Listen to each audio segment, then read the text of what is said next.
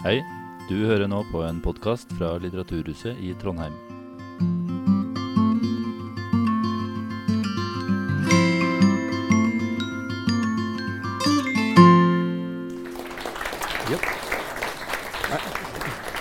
Der.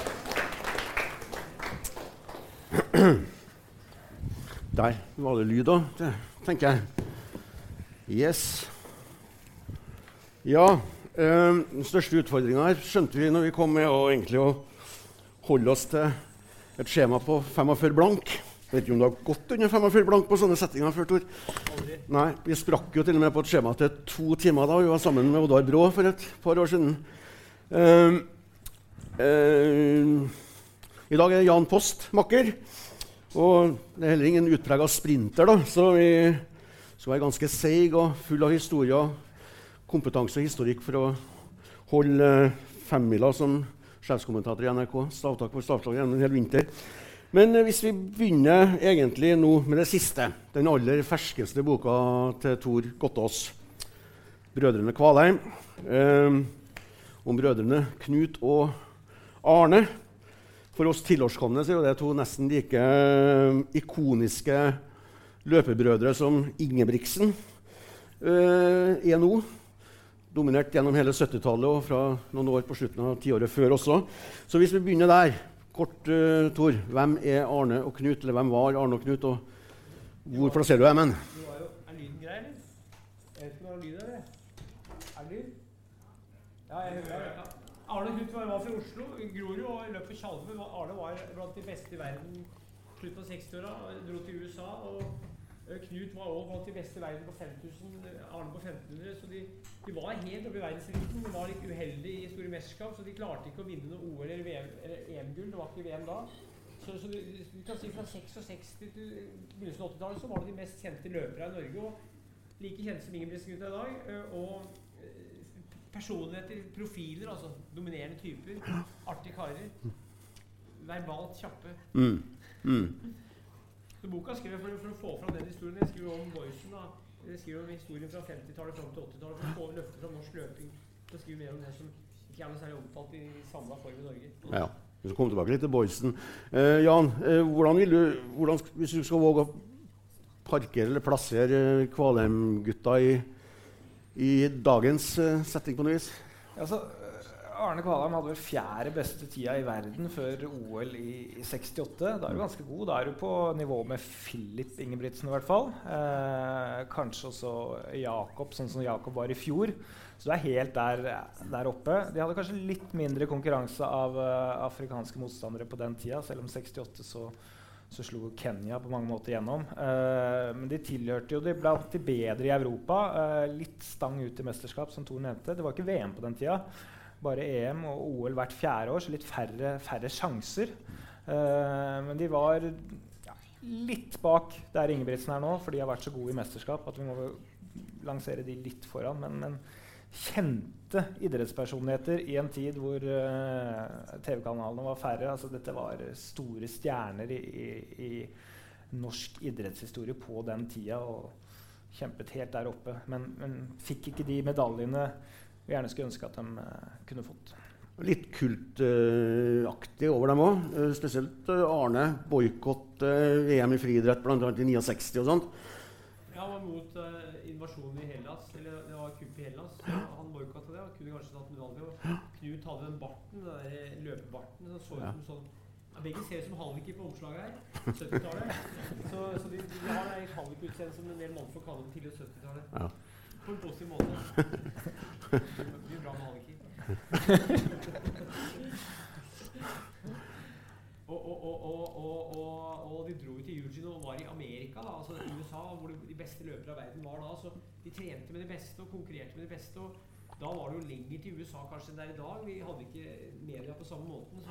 Så, så de, de, var, de, var de, de, brakte noe nytt i norsk løping. og kom tilbake, og Landskamper f.eks. var viktig da. Så friidrett hadde en litt annen posisjon. Det hadde fått en ny posisjon kan vi si nå med Warholm og Ingebrigtsen-gutta, men det var litt nede en periode. Mm.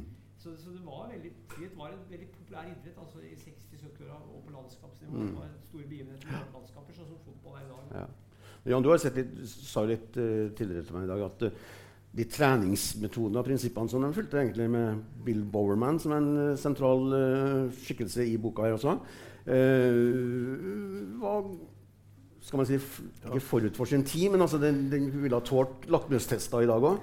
Ja, altså de, de, de trente mye. Eh, det var liksom på den tida at man skulle trene 100 miles da, i uka. altså i hvert fall 160 km. Og de, de, gutta løp mye og ofte. Og så var det vel en sånn periode, spesielt 90-tallet, USA og også deler av Europa, hvor man skulle prøve en litt mer sånn effektiv form for trening. Så trene litt hardere, trene litt mindre. Mm. Det fungerte ikke spesielt mye bra. Og, uh, så veldig bra. Og så nå er man tilbake til å trene mye igjen. Det er uh, det som er oppskriften i Norge. Det er jo familien Ingebrigtsen som på en måte leder an den utviklinga. Og nå er det 160, 170, 180 km i uka. Snakka med Filip Ingebrigtsen i vår. Da hadde han fire uker på rad mellom 182 og 189.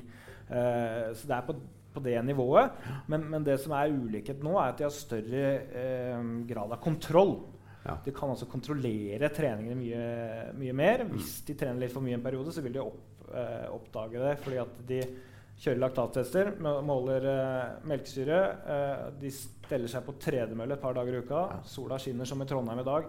Knut Kvalheim ville jo aldri i verden stelt seg på en tredemølle og, og, og, løpt på stedet hvil. Uh, men det gjør de her gutta fordi at det er bestemt. Nå skal de kjøre en standardøkt, de skal måle laktat. Har jeg tolv treninger den siste perioden? Og går det for sakte i forhold til laktaten, så skjønner de at her må jeg roe ned en periode. Den muligheten hadde man ikke før. Uh, det er mer standardisert nå. Kanskje litt mer kjedelig. altså Det var mer følelse. Mm. Det, det bohemaktige uh, før. Det er litt mer uh, maskin nå. Jeg kom publikum også nærmere utøverne på et vis på, det, på den måten her, Tor? Før, mener du? Ja. Eh, nærmere i betydningen hva da? Ja, fysisk? Altså, ja, det òg, i og for seg. Men altså Du ser jo ikke utøverne i dag. Altså, du ser jo ikke Ingebrigtsen-gutta i åpen trening. De er ganske synlige allikevel i landskapet, så de okay. konkurrerer mye. Og, de, jeg syns de er veldig synlige. Marius Bakker for eksempel, løper seks-sju løp i året. Okay. Men de her er synlige, så de er nok synlige, og du har jo TV-serien og Internett, så, så, de er ganske synlige, ja. syns jeg. Okay. Ja. Men hvis vi går tilbake Vi, vi befinner oss her i Trondheim nå, Trøndelag. Og um, i Brødrene Kvalheim så blir jo det en reise gjennom 50-tallet også. Og um, uh, Audun Boysen, ja. ikke minst. Ja. Um, legenden Audun Boysen. Lett egentlig å glemme egentlig at han kanskje er trønder òg, for han eh, løper egentlig for Tjalve mesteparten av tida si som toppløper. og Befant seg på Østlandet, men altså han født i Troms, kom til Fosen, Rissa. Og blir her til en rundt 20 år. Vokste opp i Rissa og ja. løp for Freide en periode. og Flytta ja. til byen av Oslo og studerte psykologi. og Trente bra og var jo en av verdens beste 800-meterløpere. Det er bilde av Boysen hvor du ser det er kanskje vanskelig for publikum å se, da, men du ser bildet av, skinka til boysen. Der ser du tverrmuskler. Så det var ikke så mye fett døvkjøtt på kroppen. her, ser du bildet der. Så han, han var en fin type. og det legendariske løpet da, altså, Du hadde jo flere løpere på, på 50-tallet, men Boysen han underdrev sin egen trening. Altså, han, ja. han, skulle ikke skryte at han trente, han skulle skryte at han trente lite. Ja. Aldri to ganger om dagen, sa han. Og, og, ikke noe særlig hardt. Du skulle leke deg i form. Det var en som het Asbjørn Jansgaard som var trener. Skulle leke deg i form og, og ikke, ikke, ikke, pine deg og, og, se ut som du hadde vondt. Men han trente jo jævlig hardt, og, og sannsynligvis to økter om dagen òg. Men det var jo da blant de beste i verden fra 52 fram til, eller fra 50 til Altså I 1950 så løp han på 1,48,7. Da var han verdens beste tid på 800 i året. Så han løp da ni sesonger i verdenseliten. Altså, I konkurranse med amerikanere og irere og mm. svensker og, og, dansker og finner. Så han var dritgod. Altså. Hvorfor, det er det noe under... Uh underrapportert uh, treningsmengde. Sånn var det på den tida. hvis det kom en journalist så skulle si at nei, du trente ikke noe særlig, prøvde kanskje å løpe litt noen dager i uka.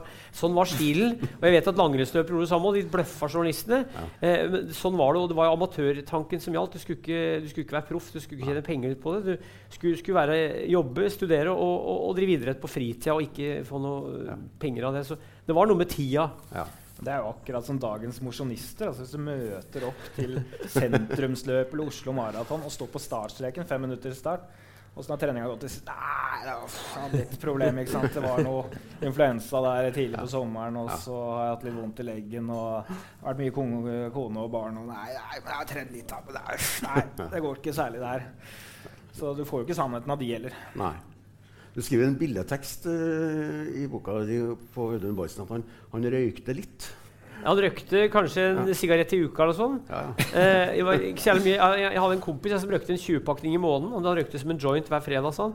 Men den Boysen gjorde ikke det, men han røykte av og til, men ikke mye. da, Og alltid i skjul, for han ville ikke at folk skulle se at han røykte. Han drakk litt alkohol, men ikke mye. Men han var, var, jo, var jo levemann, da. Ja. Men var jo også asket. Du ser bildene, han ser ut som kommer rett fra eh, Auschwitz. Han Ja. er veldig slank, eller definert. altså Ja. Lite fett på kroppen. Ja. Fin type. Hadde en løpesteg òg. Hadde en trener i Tjalve eh, som nå skriver om, som eh, alltid var avbilda i hatt og frakk, og som likte å drikke øl med gutta etter trening. Husker han? Du tenker på Arne Nytrø? Ja, ja. Ja, Mm. han, han var jo fra Selbu. ja. Eh, fin type, det òg. Han, han var jo trener til, til, til eh, etter hvert eh, Arne, Arne Kvalheim òg. Så, så Nytrø var en trenerlegende i Oslo, som da kom fra Selbu. Mm. Men jeg tenker på det når, når vi sitter her, da, øh, tenker jeg på Sverre Farstad, som var mellomdistanseløper på skøyter, riktignok. Olympisk mester på 1500 meter. Europamester var han òg, så han, han gikk jo full pakke. Eh, han, han drakk jo han, Etter første dag av et europa- og verdensmesterskap gikk han gjerne ut og drakk sammen med sine sportsjournalistkolleger. Han var jo journalist sjøl i Arbeiderbladet. Sistemann i seng ofte. Og langt utpå natt og gikk eh, mer enn eh, god nok 1500 meter dagen etterpå.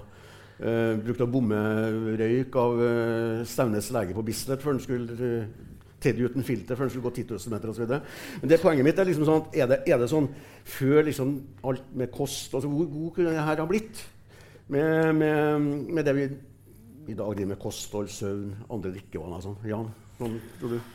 Ja, det er jo vanskelig å si. Jeg har jo på følelsen at disse festhistoriene drar seg til litt med åra, de òg. Det er litt som de gamle fiskehistoriene. Festene blir villere og villere og villere for hvert år som går. Eh, Så jeg tror ganske mange var forholdsvis seriøse på den tida. Mm. Men eh, det er noe en litt annen, eh, et litt annet liv. Ikke sant? Mange studerer for fullt, jobber for fullt og gjør det her som en slags hobby.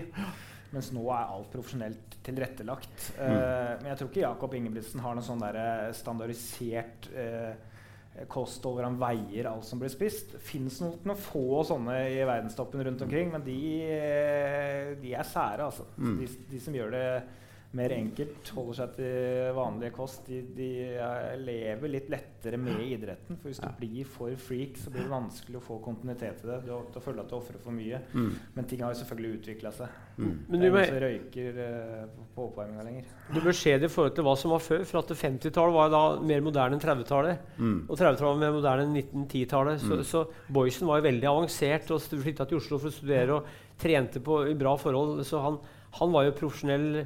Ja, Kruska Larsen, ja, Ernst Larsen fra Ranheim han løp jo tre ganger om dagen. Hadde ett tempo full, full pinne, eller full pinne som han sa. Og han hadde ikke råd til å løpe med, med løpesko, så han løp barbeint om våren. eh, Men for å vende beina til å løpe, så hadde han sånn, sånn teip på tærne da, i begynnelsen. Eh, han, han, han var jo vegetarianer og tok jo bronse i 56. Og da kom han hjem til eh, Ranheim, da, eh, og da fikk han en 10 kilo sekk med gulrøtter av ordføreren. Ja. Det var det han fikk i premie Ja. av kommunen. Eh, og han var jo en bohem, og, og, og han, han eh, Da kjørte i Trondheim med bil, så stoppa kjerringa bilen på Kongsvoll, så løp han opp til Hjerken. Og i, på flyet på vei til, i vei til Melbourne, så han hadde tre økter inne i flyet, att og fram. Og en, en morsom historie var at han var sammen med Egil Danielsen. da. Så skulle de ta drosje fra flyplassen Melbourne til Melbourne, og så sa Egil Danielsen eh, på hedmarksdialekt jeg, 'Jeg kan ikke engelsk'. Så sa sjåføren 'Slapp av, kar, jeg er fra Brumunddal'. Drosjesjåføren var fra Brumunddal. De kjørte de kara til eh, Ja. Melbourne. da. Ja. Større var ikke verden. Ja, nei, nei. Nei. Og det, jeg vet hvem det var. Ja. Ja, jeg er fra Brumunddal. Ja. Du skriver om Dano Kruskadarsen der jeg på side 69 og sånt, den spikertynne mannen drakk fløte for å holde vekta og tok toget ti mil til Sverige for å kjøpe rosiner. Hvis noen journalister kom på et hotell før et Staune og spurte om et intervju, likte kameraten å si om Larsen han er nede i hagen og beiter. Ja. og så tok han toget til Storlien for å kjøpe rosiner. Han skulle kjøpe to kilo, det var i 46. Ja. Men uh, han fikk bare kjøpe én kilo, så han tok toget 100, 200 km og kjøpt, fikk kjøpe én kilo rosiner. Så, så, så han, var, han var jo vegetarianer og drakk fløte for å holde vekta. Ja. Han var så tynn at han sleit klærne innvendig. Sånn, i, i, Vi går videre og slipper Boysen 1.45,9, altså som han satt som norgesrekord i 1955. Står i 37 år. Hvorfor står han så lenge, Jan? Altså, han var jo et talent eh, som var helt ekstremt. Altså En type utøver som dukker opp hvert 50. år. Altså, Mm. Han var helt i, i verdenstoppen på 800 meter i så mange år. Og hvor mange flere har vi hatt av dem? Jo, én. Dukka opp her i byen, litt ut i karrieren. Eh, Vebjørn Rodal. Eh, og, og det måtte jo den type talent Han og Atle Douglas var jo veldig gode samtidig. Eh, dette var tidlig i karrieren. De slo denne rekorden i 92 da, i, i samløp. Douglas først over målstreken. Denne legendariske rekorden. Eh, og, og Douglas var jo også en, en løper som var god nok for å løpe OL- og VM-finale Mm. på sitt beste. Ja, så, så vi må liksom på en sånn generasjonstalent Mm. Tenk deg Audun Boysen eh, med tid til å hvile mer, eh, kutte ut en røyk eller to og, og, og fast Mondo-dekke og enda mer moderne piggsko. Det hadde ikke gått sakte. Altså, han er garantert en som kunne kjempa om medaljer i dag. Så de, de dukker ikke opp i Norge så ofte. Altså.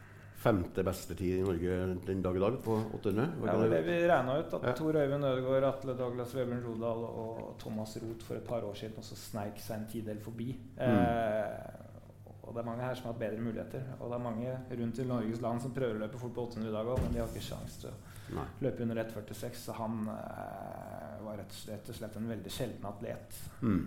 Mm. På grus, på grus ja. På gruset. Ja. Håndsydde piggsko. Ja, fra Vincent Drange, i, eh, en tidligere kappgjenger i Bergen, som håndsydde piggsko. Ja. Spesielt gode piggsko. Det ble sagt at hvis du hadde piggsko med kenguruskinn, så løp du fortere. og fikk du en kengurueffekt i, i frasparket. det var kenguruskinn til de, skoa. Ja, ja, ja.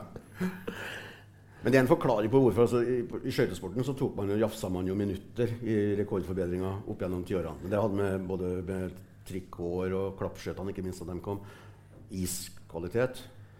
Det er ikke så komplisert friidrett. Det, eh, det, det er et par piggsko og noe, en singlet og en kortbukse. stort sett det, så Det har blitt litt bedre, men ikke mye. Så det, det er fortsatt mye av det samme som det var for 50, 60, 70, 100 år siden. Mm. Det som har vært så unikt med løping, er at det er verdens enkleste idrett.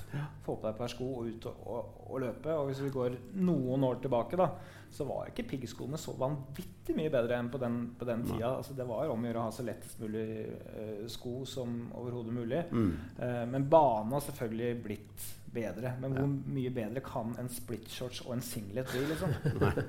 så Derfor er det jo mer målbart med, Ja. med gamle dager. Og så krangler jo mange om hvor mye tregere en grusbane var. Eh, Arne og Knut sier at hvis du løp på en veldig veldig, veldig god grusbane, så var den ikke så veldig mye tregere, Men eh, det var jo flere dager med regn og andre ting, og da ble den jo verre og verre. Så det var jo mye flere sjanser. da. Hvis du hadde ditt livs beste dag den gangen, så var det ikke sikkert at banen var tørr akkurat den dagen. Nei. I dag så, så løper man like mange løp, og det er gode forhold eh, Mm. mye mye oftere. Så du Mm. får flere sjanser til å løpe gode tider da, og gode felt. Mm. Så det har jo forandret seg. Du sa dere traff eh, to av de tre Ingebrigtsgutta på Gardermoen litt tidligere? Var det sånn? Jeg gjorde det. Jeg traff det. eh, Henrik og Ja. Jakob. Ja. Vi skulle til Spania. Han Svela var der, og Per Svela. Philip kom senere, for han, har, han bor i Oslo. Så de skulle til Sierra, Madre, Ja. eller Sierra Nevada i Spania og trene Ja. på 2300 meter. Så de, de, de er på fly nå, tipper jeg. Ja. Du sa Jan, i sted at, eller utenfor her i stad at de har det mer, bek det er mer bekvemt å være Ja, løper i dag. ja, Det er ingen tvil om. Altså. Å være løper på 60-, 70- og 80-tallet, det var betydelig hardere. altså. Selv som mosjonist i Oslo nå kan du trekke inn på Bislett, løpe rundt og rundt 546 meter i stabile 22 grader hver eneste dag. Ja. Eh, snakker mye med, med Jack White, som forteller Grete White som tok på seg slagstøvler når det var eh, snøvær i Oslo. Det var ingen som måkte. Så det var jo rett og slett ut i slagstøvler og løpe langtur på 20-25 km. Det tror jeg ikke eh, han der godeste Jakob Ingebrigtsen hadde giddet. Altså. Rett og slett. Så man var litt mer hardfør. Mm. Eh, og det var jo ut å, å løpe eh, kvalitetsøkter på glatt føre. Og det som er, eh, Grete var jo også der at hun trente litt på tørr asfalt eh, inne på T-banestasjonen i Oslo, oppe i Groruddalen. Eh, Tilpassa avgangene. Så det var kvarter mellom hver T-bane som kom. Da, og der var det en strekke på 170-180 meter som var forholdsvis tørr. Da løp det en kortintervall, og så ble det seriepause da når det kom en ny bane inn. Ja. Sånn holdt de på, og så brukte de også Bjerkebanen, altså travbanen. Der var det jo brukbart av og til. Mm. Men eh, det er klart En full vinter med det, kanskje én tur til Syden mm, i løpet av vinteren. Det var et litt annet liv. Altså. Men de utnytta de mulighetene som var. Var det Ernst Kruska Larsen som uh, hadde treningsøkt i midtgangen på flyet? Tre økter i flyet fra Oslo til Melbourne i 56. Og det, det var sånn han var. Han trente jo, trente jo tre økter om dagen, som jeg sa. Og det, han, han trente altfor hardt. Altså. Det var full pinne hele tida. Og eh, tre økter om dagen i full pinne det er ganske hardt på kroppen. Og ar- arbeid som, han kroppsarbeider i tillegg på, Ja. på, på Ranheim der. Så han var overtrent og al, alltid veldig sliten. Så, så han, det var feil, sa han. Men han løp opp og ned. Opp og ned. Ja, att og fram inn i flyet. da. Så det sa jo Egil Danielsen, spydkasteren. Men jeg trodde det var tull, men cruisekalasjen sa det stemte, han. Tre økter hadde han inn i flyet. Så, så det, um, det var en form for treningsnarkomi. På den tida, 50-tallet, 60-tallet, hvor, hvor mange var, hvor, altså, det, va- det var ikke vanlig å se folk løpe gatelangs da? Altså, Joggebølgen? Bestefaren min, bestefaren min er født i 1910. Han løp en god del, men han løp alene i skogen, så det var ikke Ja. vanlig å Nei. løpe. Og de som løp, det var enten frihetsfolk eller orienteringsløpere Ja. eller langrennsløpere. Ja. Det var veldig få mosjonister, og kvinnfolk skulle ikke løpe, for da kunne de bli sterile eller, eller hva som helst. Eller hoftene kunne bli ødelagt. Ble det sagt, da. Og de skulle ikke bli røde i trynet. Eh, det var jo en grunn. Eh, ødelegge sminken hvis de ikke hadde sminke. Så det var mye grunner til at ikke damer løp, men det var veldig få kvinner som løp, noe særlig før 1970 i hvert fall. Ja. Jeg husker sånn, På slutten av 70-tallet, 1979-1980, så, så var jeg purung journalist og redaktøren i min avis hadde hørt om denne joggebølgen som var på vei til å slå inn over landet fra USA. Og Sammen med en fotograf så ble jeg sendt ut for å, for å dokumentere dette, om vi fant noen folk som jogga i Trondheim. Og Vi kjørte to kvelder på rad rundt om i byen uten å se ett eneste menneske som sprang i Trondheim. Ikke ett eneste menneske som sprang. Um, men Faren min var sånn småbyråkrat i Trondheim kommune. Han jobba på rådhuset. Han hadde en kollega som hadde en nabo som kjente en oppå Munkvoll, som hadde begynt å løpe. Så vi fikk arrangert et møte med han i, oppå Nordre Halset. Han drev og løp mellom blokkene oppå der.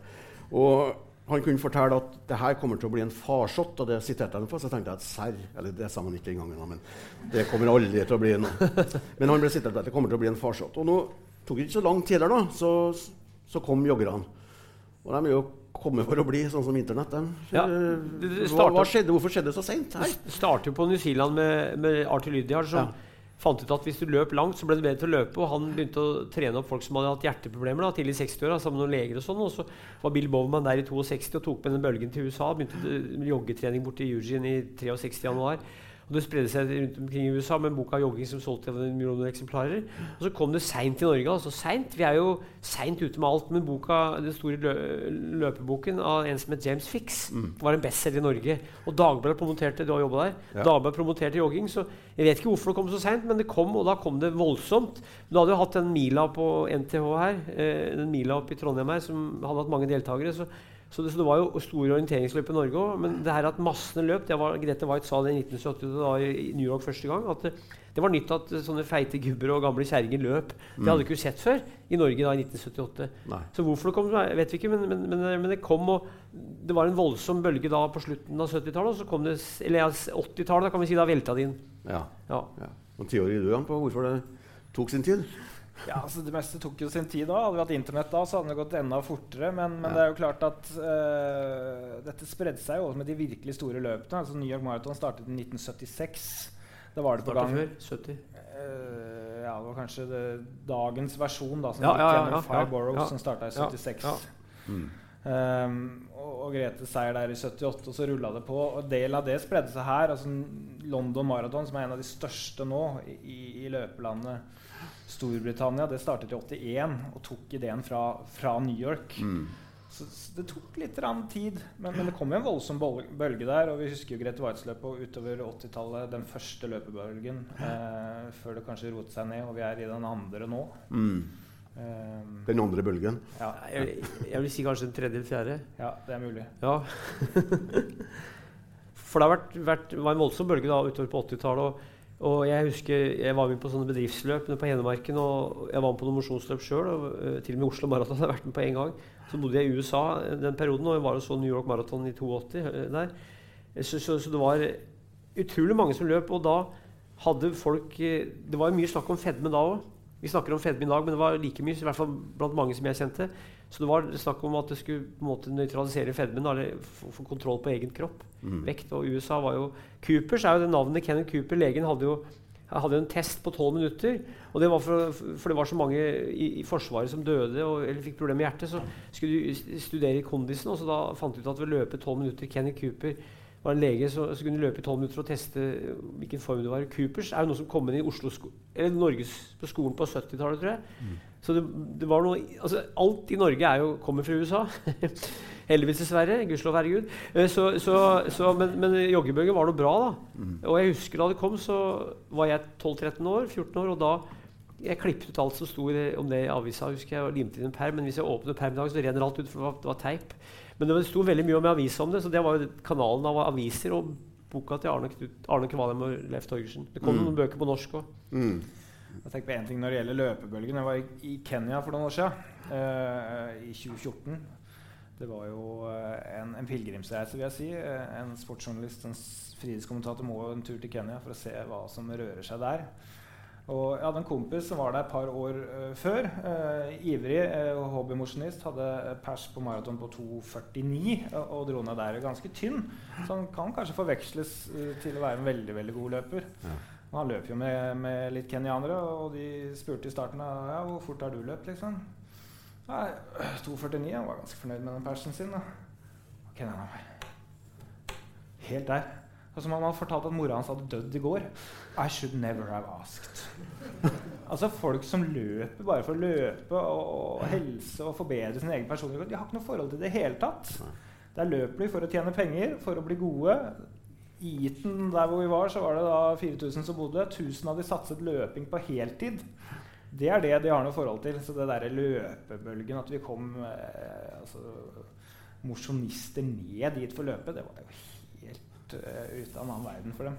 De, de løperne som er gode der òg, sånn de som er veldig gode, og de legger jo ofte opp og løper ikke i det hele tatt. Når, ja. de, når de, er ferdig, så, så, går det opp 20 kg og drikker øl og lever på det de har kjent av å løpe. Så, så de gidder jo ikke å løpe hvis de ikke må. De løper for, å få penger og for å bli gode. Ja.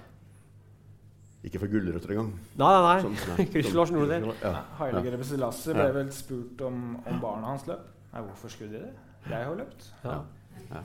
Det skjønte jeg ikke. Jeg snakka faktisk med, med, Henrik om det der i dag på flyplassen. For han sa det at eh, de løper sånn fordi de må for å komme seg opp i Afrika. Jeg løper fordi jeg har lyst, sånn. Mm. Uh, han, jeg trenger ikke å løpe sånn, men jeg har lyst til å løpe. Og han mente at det kanskje var bedre, for da hadde han et valg, og det var et positivt valg for han. Så han, Vi snakka om det i stad, så han, han, var veldig opptatt av å si at det, det gjorde han jo fordi han hadde lyst. Altså. Mm.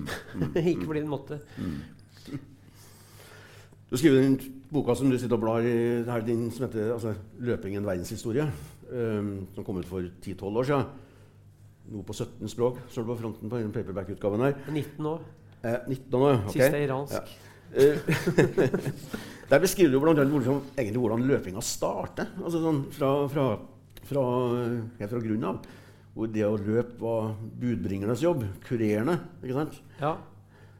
Det er jo helt tilbake til antikken. Kurerer som, ja. som, løp. Og det var egne folk som lå på toppen av fjelltoppen for å se om fienden kom. Og så var det egne oppmålingsløpere som hadde like lange steg for hvert skritt. Da.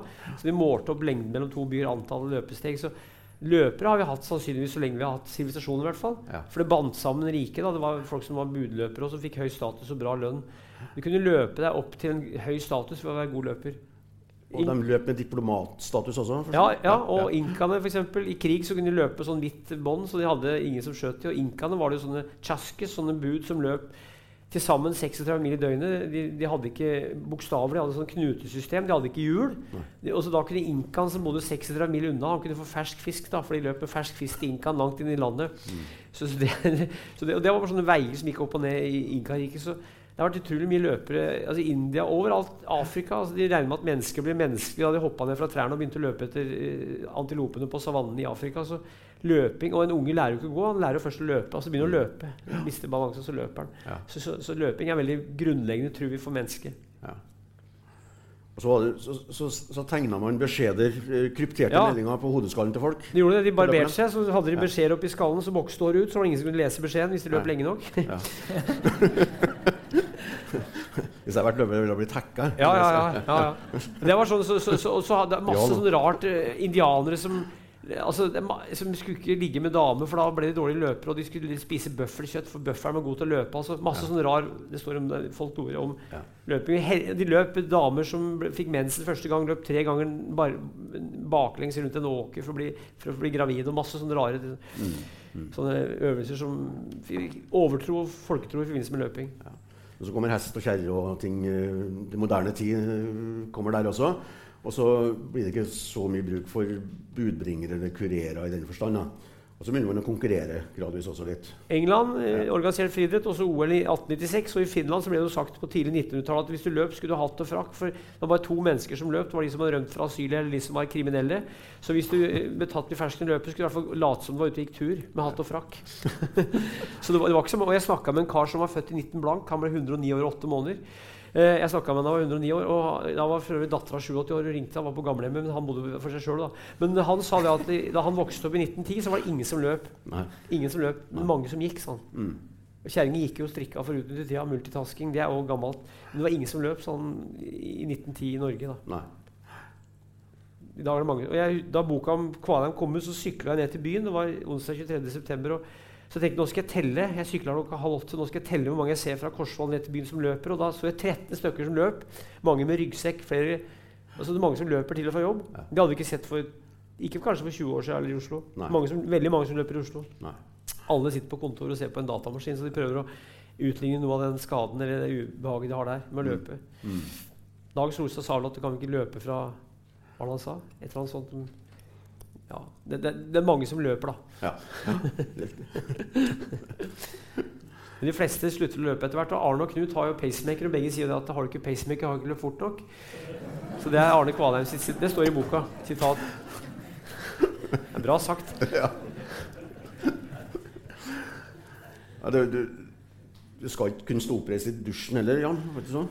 Nei, det var en, eh, en svensk løper som het Kjell Erik Ståhl. Han tok fjerdeplass i det første VM i maraton i 1983. Han var ganske hard på det, og han mente at hvis du kunne stå oppreist i dusjen etter trening, da hadde du ikke trent hardt nok.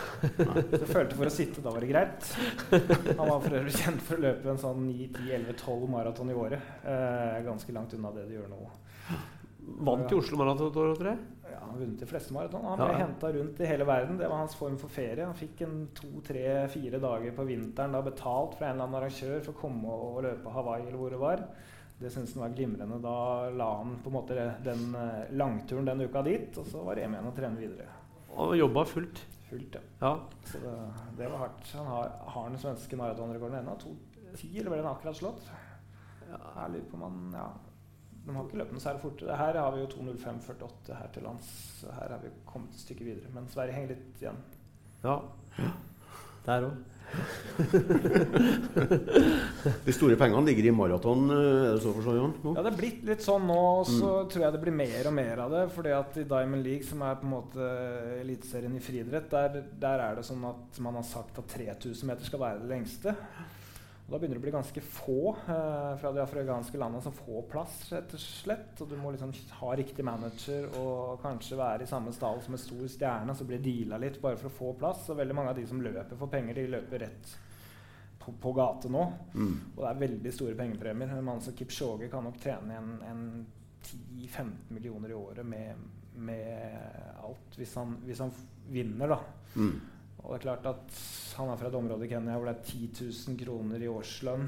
Eh, han kan jo på en måte leve ganske heftig av det. Og, og for en kenyansk løper bare vinne mindre maraton som får 50 000 i premie, er, er stort. Og da er det kanskje mer naturlig å gå rett den veien, da. Mm. Det er en fare for banefriidretten, den utviklingen som vi har nå.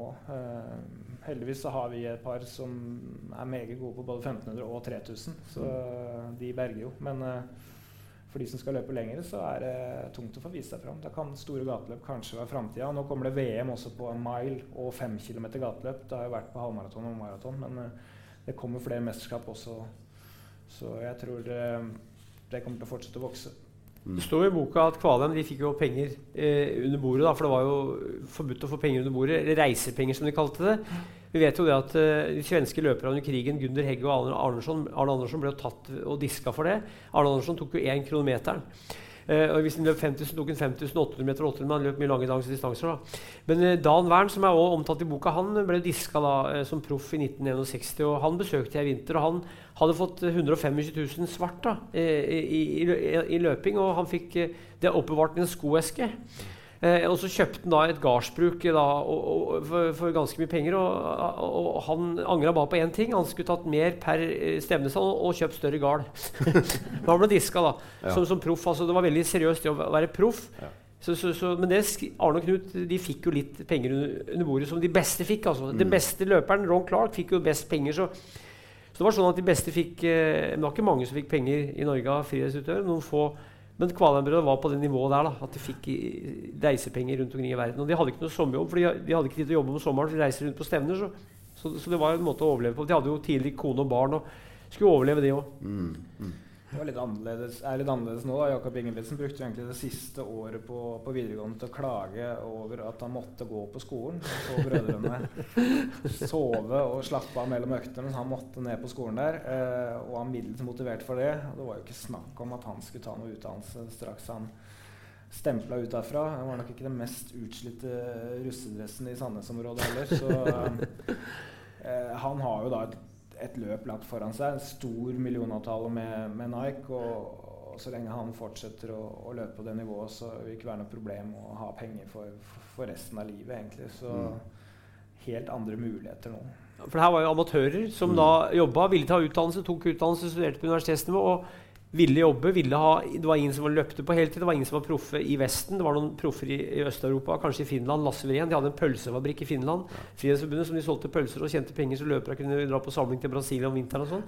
Men i hvert fall så var det sånn at uh, det var ikke et alternativ for de gutta her å være proffer uh, i friidrett da, i 60-, 70-, 80-åra. For uh, det fantes ikke, det konseptet fantes ikke. og Det er veldig mye som har forandra seg i Norge. Som Bob Dylan sa i 63, the, the times are changing.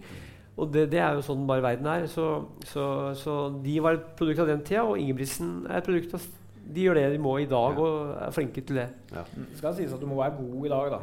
Hvis du er eh, på nivå med Per Svela, som du også møtte på, på flyplassen i dag, og har løpt 13,23 på 5000 meter i år, så er det ikke mye penger å hente. Eh, han må studere og kanskje ha litt støtte fra foreldre osv. Sånn for, for å holde dette gående. Så du må liksom opp på aller høyeste nivå og, og være en av de som virkelig selger løpeklær og løpesko rundt om i verden, skal du få de store kontraktene. Så men trening er jo gratis. Eh, Det var jo på 70-tallet. Det er nå, så det, det er jo håp for de òg. Men Mm. eh, mange er i samme situasjon som den gang, bare at de store stjernene de tjener mye mer. Mm. Jeg hørte at noen sa det at i gamle dager så spurte folk i, i veldig gode løpere hvor mye har du løpt på. I dag spør du hvor mye tjener du.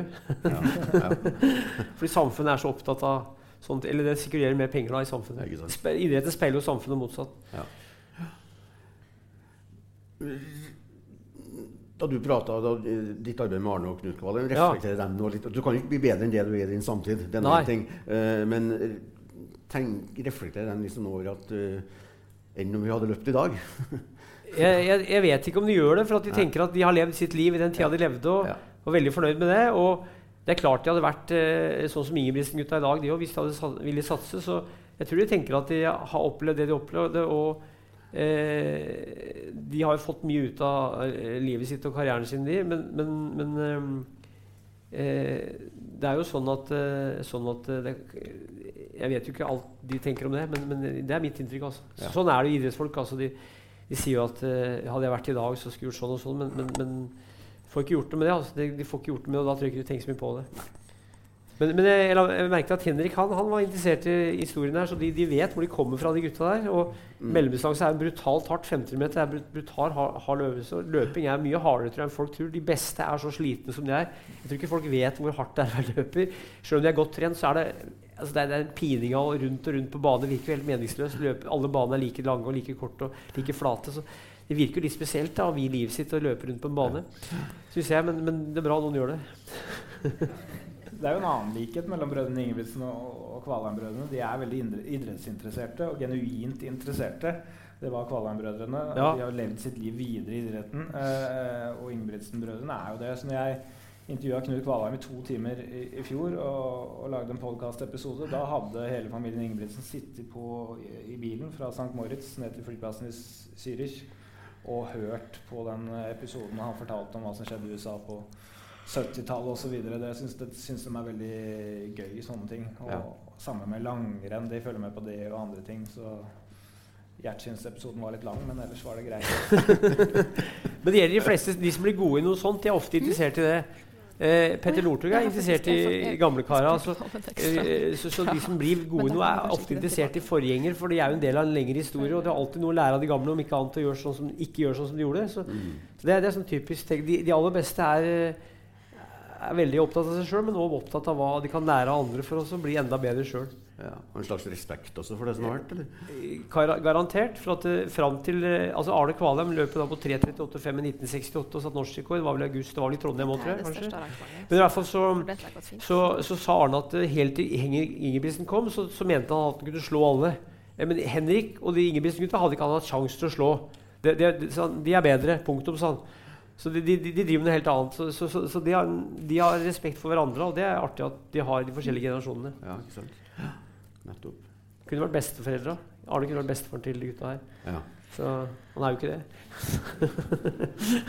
Det samme Knut, som har levd sitt liv videre i idretten. Han var trener egentlig fra han var aktiv, eh, og ble jo trener for veldig mange etterpå.